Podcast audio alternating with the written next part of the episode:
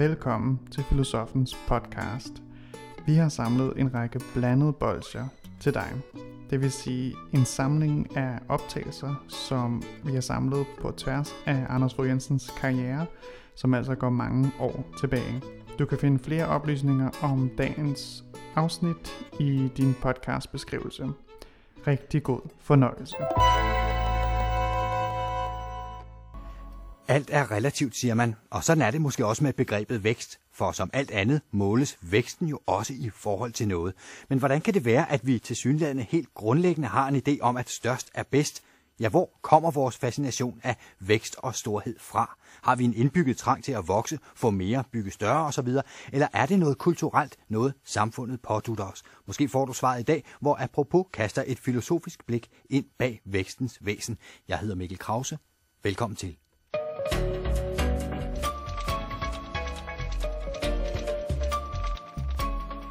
Anders Fogh Jensen, hvad tænker du umiddelbart, når jeg siger ordet vækst?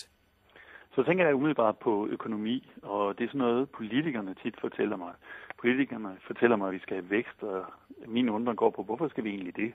Hvorfor kan vi ikke bare have lige så meget, som vi har nu?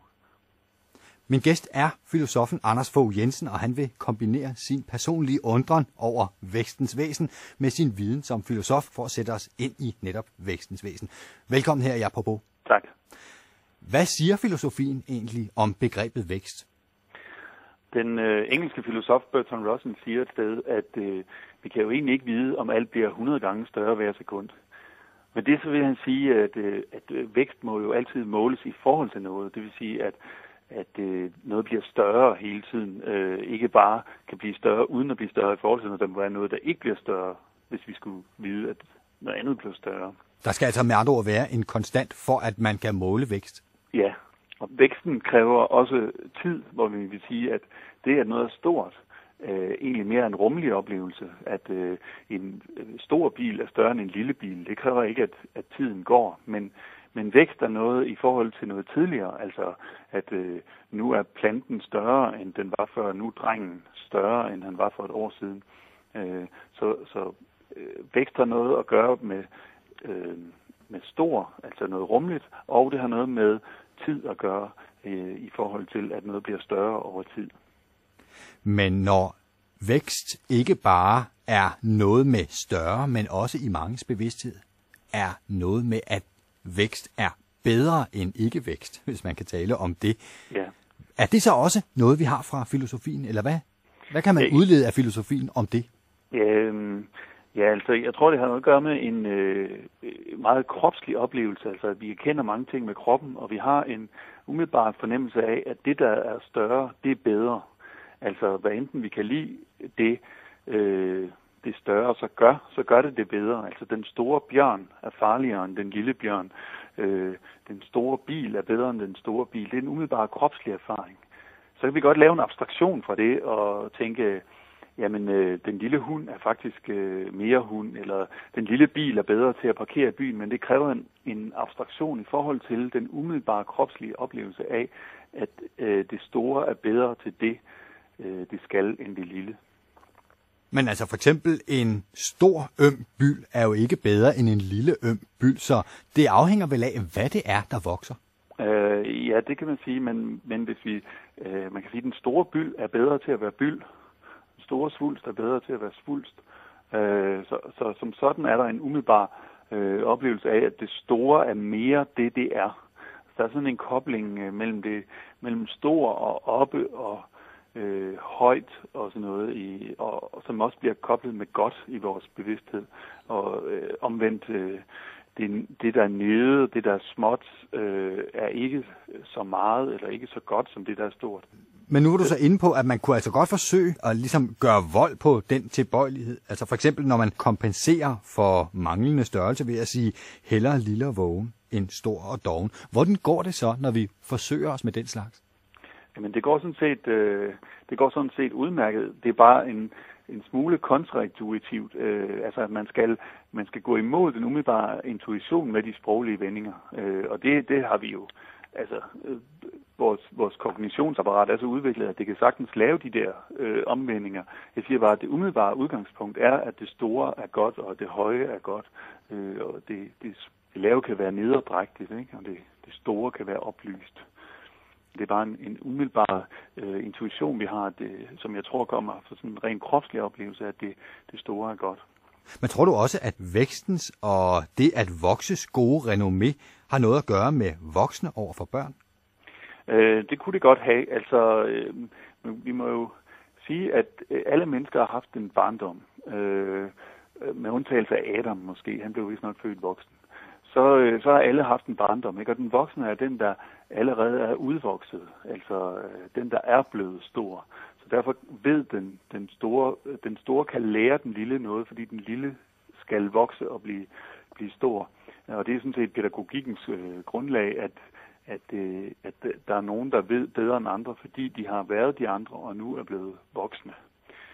Øh, men egentlig så, så, så tror jeg, at, at vores øh, idé om vækst kommer fra biologien, altså fra en, øh, altså vi kan også nogle gange omtale en plante som en gevækst, noget der øh, har som, øh, ja, alt efter hvordan man ser det, men som næsten har som formål at vokse, eller som i hvert fald har en tendens til at vokse. Ikke? Så går tilbage til sådan en, en, øh, en aristotelisk øh, måde at tænke på, altså til en græsk øh, kosmostænkning, så, så vil man sige, at det, at planten voksede for at blive til noget. Det kalder man så en telos eller et mål. Ikke? At, øh, at agernes formål, agernes formål er at blive til et egetræ, så egetræet er, øh, er dets øh, mål. Øh, og det er ligesom om, at det, vi skal forestille os, at, at det færdige egetræ ligesom hiver i agernet, øh, således at det vokser. Så vækst har altså også noget at gøre med, at man vokser hen imod noget? Øh, ja, det har det. Og, og, når, og, og når væksten så, øh, øh, hvad kan man sige, er naturlig, og når vi kalder andre ting metaforisk for vækst, for eksempel øh, øh, økonomien, eller øh, det, at man har noget, og så skal have mere af det, øh, så er man jo øh, ofte i gang med at legitimere det, fordi naturen har øh, i mange århundreder kunne være noget, man kunne henvise til som, som godt eller som urørligt. Øh, og det er også det økologerne spiller meget på, at, at naturen i sig selv er god, eller den er i sig selv i orden. Så derfor er det, der går imod naturen, er ikke i orden, eller det er ikke godt. Øh, og der, der tror jeg, at det sniger sig ind i vækstbegrebet samtidig, at vi forestiller os, at det er helt naturligt at vokse. Ikke? Det gør kroppen. Så derfor må øh, de andre ting, vi bruger vækstbegrebet, også øh, vokse. Ja, man kunne næsten, som jeg ovenikøbet har hørt øh, i sådan en slags erhvervslingo, sige, enten skal du vækste, eller også må du dø. Hmm, altså, og det er altså- naturens lov? Øh, Ja, det er i hvert fald naturens lov hele tiden at, at, at skifte ham, eller hvad man kan sige, og, og forandre sig, men det, om det er naturens lov hele tiden at blive større, øh, ja, det, det, det kan man jo godt sige, når vi kigger umiddelbart på naturen, så bliver den større, indtil den dør. Øh, og det har man så fået, fået overført, ja, både sin, til erhvervslingo, som du siger, men også til øh, alskens øh, idéer om, om personlig udvikling. Fordi det, det, man kunne sige, det var, at øh, så længe vi bliver i det her system, hvor, hvor barnet er det, der endnu ikke er voksen, og den voksne er den, der kan fortælle bedre, fordi vedkommende er udvokset, så har teleologien, som man vil sige, stadigvæk en telos, altså barnets vækst har stadigvæk den voksne som mål. Øhm, men det, der er ved at ske inden for, for vores syn på den personlige vækst, det er, at det der telos, øh, det begynder at forsvinde. Ligesom om, at, at øh, på samme måde som hvis vi sagde, at ærerne ikke længere vidste, om det skulle blive til et træ eller hvad, fordi øh, vi begynder at se på den voksne som en, øh, der aldrig bliver færdig. Altså i, i, i begrebet om færdigheder, altså hvis man var udlært smed, så, havde man, så var man ligesom færdig, og man havde nogle smedefærdigheder. Men det vi begynder at, at, at begynder at tænke et nyt kompetencebegreb ind der, så åbner vi for, at øh, at udviklingen sådan set kan, eller væksten kan fortsætte i det uendelige. Altså hvis du har øh, nogle kompetencer, så kan du altid blive kompetenceudviklet, eller du kan komme på efteruddannelse og få, eller du kan udvikle din person, så du bliver en større person. Men er det ikke bare smukt og naturligt? Altså det er jo det, der hedder livslang læring eller uddannelse for livet.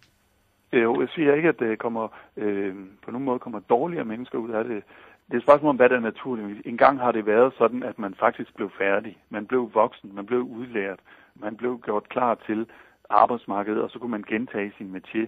Øhm, det var, var det naturligt, eller var det ikke naturligt? Nej, det, det er sådan set ikke øh, mere naturligt, end det er at, at, at arbejde med livslang læring og livslang udvikling. Men hvorfor Men, er det problematisk, at vi så at sige har mistet det her mål, hvor vi vokser hen imod målet, og så bliver, det, så bliver vi færdige som mennesker? Hvorfor er det et problem, at det ikke længere er sådan? Jamen, der, der er i hvert fald, øh, som jeg ser det, to problemer. Det ene er, at, øh, at det, skal, det kan skabe øh, under tiden en vis frustration. Øh, følelsen af, at man aldrig ved nok, eller at man aldrig kan nok.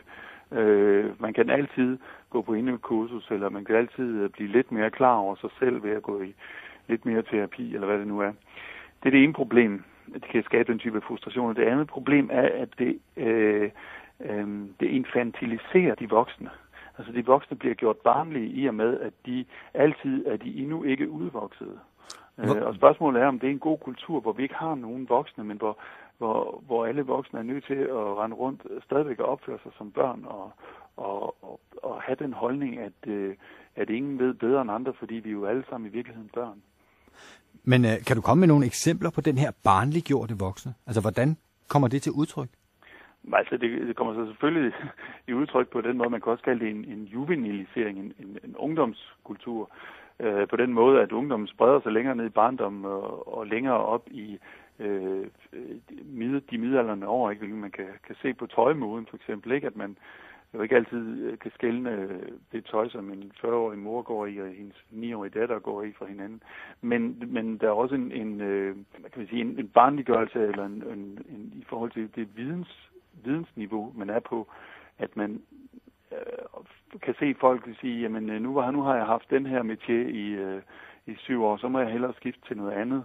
Så må jeg starte forfra og lære igen. Øh, så efter 5-7 år, så er man brændt fast der, så må man starte forfra og lære igen. Øh, det, det, det er klart, at de her typer af skift, de tilfører kulturen noget, men, men, men det, at jeg øh, igen må blive barn et nyt sted, øh, vil jeg også mene øh, er en tilbagesættelse på nogle punkter. Hvornår tror du, den udvikling begyndte? Øhm, ja, det er svært at sige. Jeg tror, det er en meget, meget lang udvikling, men altså, så vanligvis vil jeg sige, at det er noget, der er sket i sidste tredjedel af det 20. århundrede, men altså, hvis man går tilbage og ser på sådan noget som øh, øh, Kafkas øh, forfatterskab i 1920'erne, så er der allerede der øh, en begyndende, begyndende fornemmelse af, at man, man ikke bliver færdig Altså for eksempel i processen, der kan Josef K. ikke få den her dom på, om han er skyldig eller ej. Han må gå, blive ved med at gå rundt og, og vente på, på øh, at blive færdig med systemet. Ikke? Og, og, og det samme i, i slottet, hvor landmåleren aldrig kan komme op på slottet. Ligesom den der følelse af ikke at blive færdig, den tror jeg øh, sætter sig igennem allerede i begyndelsen af det 20. århundrede, men jeg synes, det er noget, vi ser tydeligere i, i løbet af, af 80'erne og 90'erne. Her sætter jeg lige en kapitelskiller.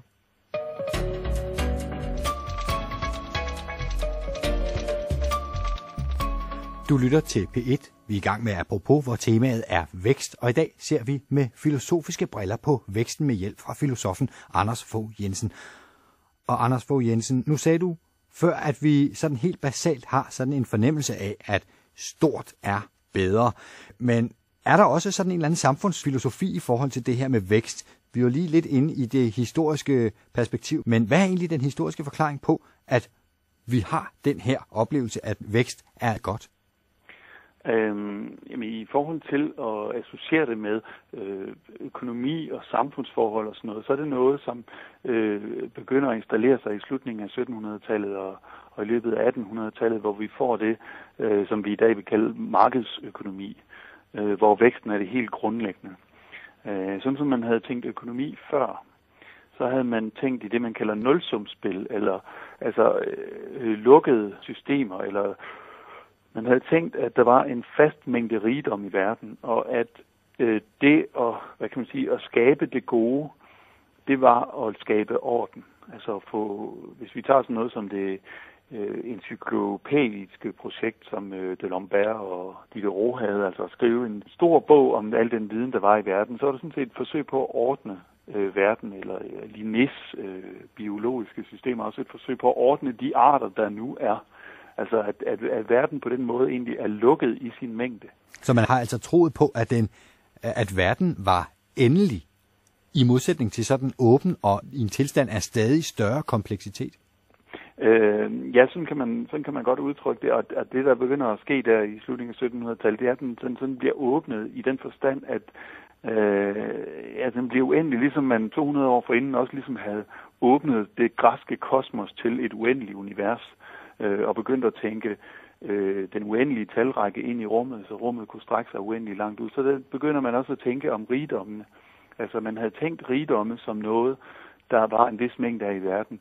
Der er en vis mængde guld, en vis mængde sølv, der er en vis mængde jord. Og det vil sige, det gælder om at tage det fra hinanden? Ja, så hvis, hvis øh, altså, så tænker Frankrig, at hvis, hvis, øh, hvis England bliver rigere, så bliver de relativt set fattigere, fordi at England har taget nogle af rigdommene, særligt hvis, hvis, hvis, de, hvis de erobrer noget fransk jord, for eksempel. Så derfor handler de tidlige øh, øh, fyrstespejle eller råd til fyrsten handler egentlig også mere om territorieforsvar. Hvordan, hvordan opretholder man magten over et territorium? Og man tænker rigdom i høj grad i forhold til territorium og ædelmetaller. Altså at der er en vis begrænset mængde af dem, som man så må øh, slås om at fordele, eller lave øh, det, det, vi senere kalder protektionistisk politik. Ikke? Man, må, man må lukke forhandlere øh, ud til, så der ikke siver for meget ud, eller sådan noget. Men det er først øh, hvad kan man sige, i opgøret med det, som man kalder merkantilisme, at, øh, at vi får det, som vi kalder markedsøkonomi eller, eller liberalisme, at den boks ligesom bliver åbnet, således at, at rigdommen egentlig kan blive uendelige. Det, kommer, øh, det, det går blandt andet via øh, Ricardo og Marx, som begynder at tænke arbejdskraft som en rigdom også. Øhm, og, og her har vi så liberalismen, som, som, som introducerer øh, hvad kan vi sige, markedet som en type af natur, som, som mennesket ikke kan vide nok om. Det er noget af det, som Adam Smith mener, når han siger, taler om en usynlig hånd, altså ikke bare en hånd, der regulerer, når alle folk handler, så kommer der vækst, men, men også at, at den hånd er usynlig. Det vil sige, det er principielt umuligt at vide for mennesket at gennemskue, hvordan det her marked fungerer, men det er en form for natur, som vokser, som udvider sig. Hvad synes du om det billede? Er det et retvisende billede?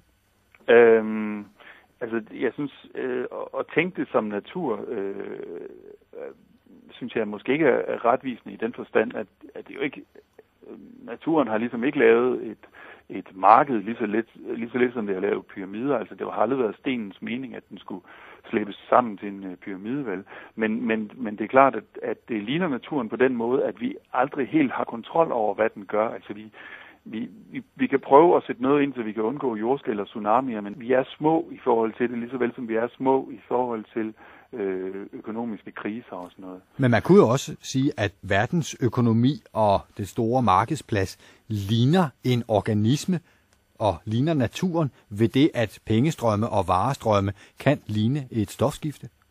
Ja, og den organismetanke ligger måske også nede under øh, Adam Smiths tanke om den her øh, øh, usynlige hånd. Og i hvert fald kommer den mere frem, den idé, i løbet af det 19. århundrede. Øh, hvor man virkelig begynder at tænke tid ind. Altså ikke bare rigdomme som noget, der kan flytte sig i rum, men rigdomme som noget, der kan vokse i tid. Øhm, vi ser det hos øh, Hegel, vi ser øh, Marx, og vi ser ikke mindst Darwin tænke øh, øh, udvikling i tid. Og det er også her, hvor kan sige, biologiens ordenssystem bliver brudt op, og vi får et øh, ideen om, at der ikke er et endeligt øh, antal arter. Der kan godt være, at der er et endeligt antal arter nu, men det kan, det kan udvikle sig, eller det kan formindske sig. Øh, øh, og den, den måde altså at tænke, tænke vækst på, er noget, der, der udvikler sig i løbet af det, det 19. århundrede. Så. Og så kan man sige, at i og med, man laver det her billede på markedet, altså at man så at sige ligner det med naturen, så bliver det også sværere at stille spørgsmålstegn ved de frie markedskræfter. Ja, det gør det helt klart. Øh, det bliver, det bliver, det bliver Øh, en, en vækst, der ligesom retfærdiggør sig selv på samme måde, som altså naturen er, er, er, er god, så er øh, vækst i sig selv også godt. Men og, og, og kapitalismen, der udvikler sig med markedsøkonomien, er ligesom øh, absurd på den måde, at den har egentlig ikke noget mål. Den, den har bare vækst, men den kan ikke sige, hvor, hvor, hvor det er, vi skal hen. Altså det er en, det er en teleologi uden telos, altså en, en, en fremadrettet kraft, øh, eller som ikke peger hen imod et bestemt mål. Altså den svarer ikke på, hvordan man skal leve sit liv. Den, den, siger, den svarer på, hvad man skal gøre. Man skal nemlig forsøge at få mere hele tiden. Med den her væksttanke i, i det 18. og 19. århundrede, så er det ikke fordi, at de lukkede systemer fuldstændig øh, øh, forsvinder. Altså helt frem til til 2. verdenskrig er der stadigvæk en, en forhandling mellem det åbne system, hvor der skal vækst, og så forsøg fra landenes side på at lukke systemerne. Altså, og i, i 46, 1946 får vi i Danmark det, vi kalder betalingsbalancen. Det er et forsøg på at sådan også tænke, hvad ryger der ud, hvad ryger der ind øh, af vores system. Og det er også det, man ser fra kinesernes side i øjeblikket, at man, man prøver ligesom at, at, at tænke sin egen vækst og ikke tænke global vækst. Og jeg tror, at en af, en af konflikterne mellem USA og Kina nu, lige nu består i det her med, at, øh, at, at væksten, øh, skal den være global, eller skal et land have lov til at tænke på sin egen vækst? Det er jo noget af det, vi prøver at, gå imod i EU, og prøve at harmonisere på en eller anden måde i hvert fald. Men hvis vi tænker global vækst, er det så sådan i dag, at der er enighed også blandt filosofer om, at Basalt set så er stort og mere, det vil altså sige fortsat global vækst, bedst, og altså vækst er med det en succesfaktor. Øhm, der er i hvert fald, øh, jeg ved ikke om der er en enighed, men der er mange, der vil mene herunder mig selv, at vi umiddelbart vil forstå øh, vækst, og det er noget af stort som godt. Altså, og at, øh, at man er nødt til at først påvise, at det, at noget vokser, ikke er godt, før at, at vi kan gå imod den tanke. Altså for at vi kan lave den abstraktion, at, at, at small is beautiful, eller less is more, eller øh, verden går under, hvis den bliver ved med at vokse øh, i rigdom. Øh, så, så, så det er som om, at, at man har bevisbyrden på sin side, hvis man vil vise, at vækst ikke er godt, hvorimod vækst øh, har en tendens til at retfærdiggøre sig selv. Men øh, nu sagde du i begyndelsen af interviewet, at du undrer dig over, hvad vi skal med vækst. Lider vi af sådan en slags volumensyge? Øh, ja, det, det mener jeg egentlig godt, man kan sige. Jeg kan godt forstå, at vi skal have vækst al den stund, at der er inflation, for eksempel. Ikke? Så, så hvis vi skal have lige så meget rigdom næste år, og der er 3% inflation, så skal vi nok have 3% vækst, for at vi har det samme. Ikke? Men det er jo bare en ren matematisk ting. Men, men volumensygen øh, handler snarere om en... Øh, en form for automatisk grådighed, eller automatisk kollektiv grådighed, at, at vi, vi skal have mere, øh, ellers så er, det, så er det ikke i sig selv godt, hvorimod det, det at få mere i sig selv er godt, og det, det øh, kan man vel godt kalde en, en form for volumensyge eller vækstsyge. Og det, som jeg ser som det problematiske i det her, det er, at, øh, at den her øh, kraft, fremadrettede kraft, den har mistet sin telos. Altså på samme måde som den, øh, vi, vi skal have personlig indre vækst, uden at vi ved, hvad det er, vi skal blive til, så, så skal vi også have en økonomisk vækst, uden at vi altid ved, hvad det er, vi, vi skal med den.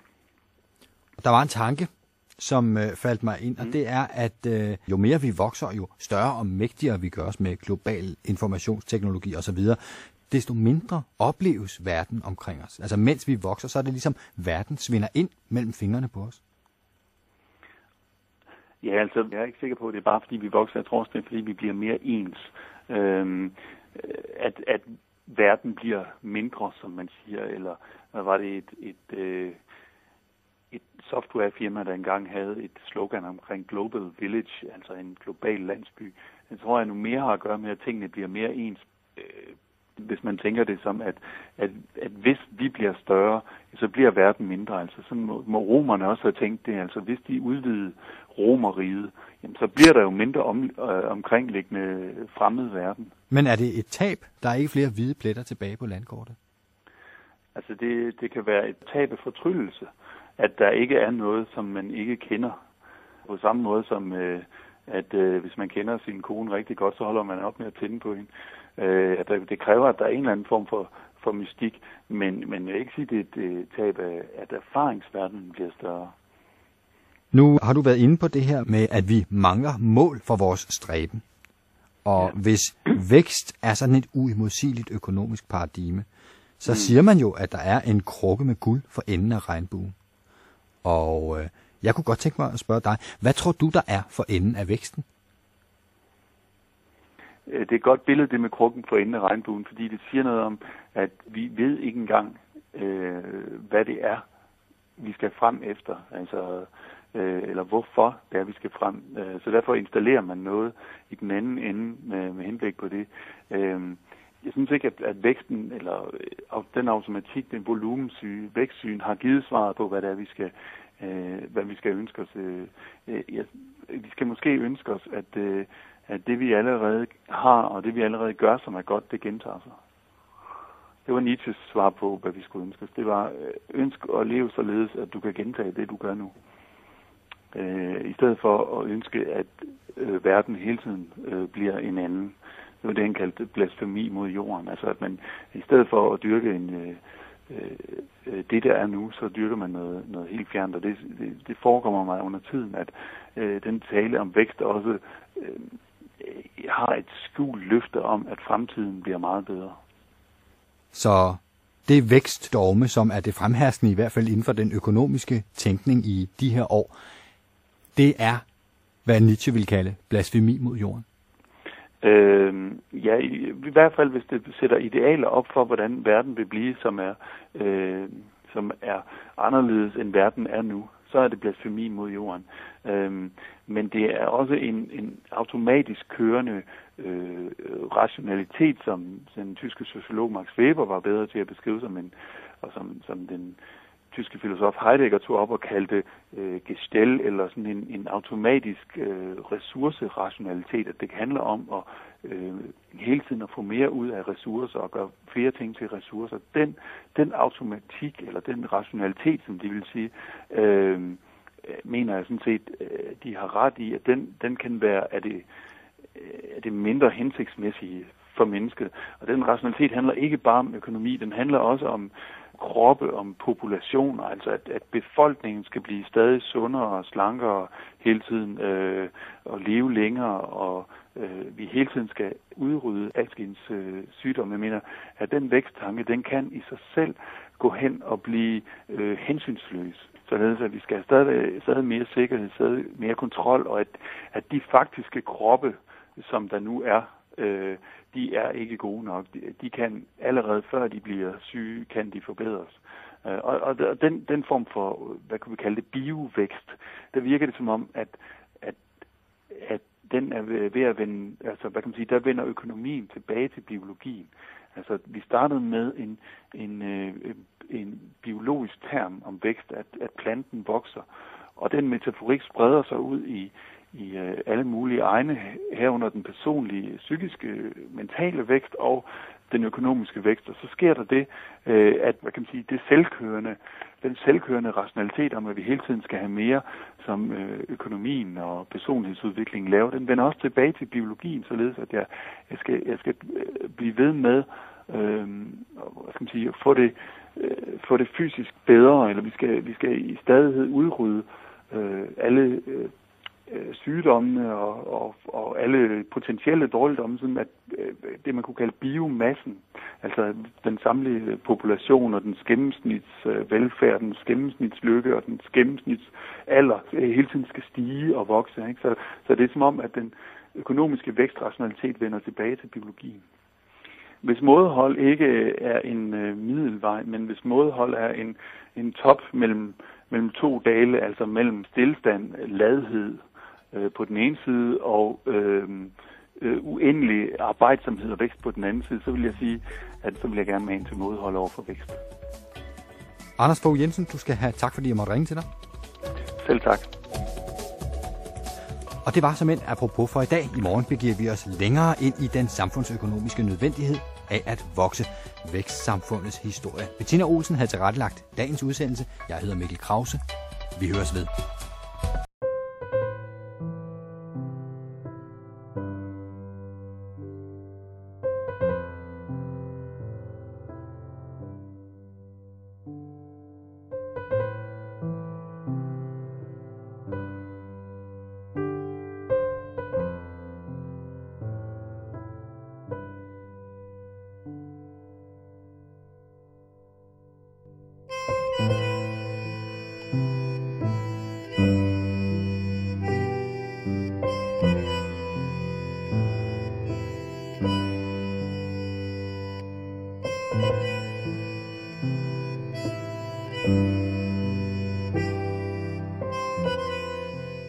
Du har lyttet til Filosofens podcast.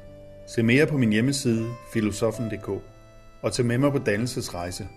Se dannelsesrejser.dk. Mit navn er Anders Fogh Jensen. Tak fordi du lyttede med.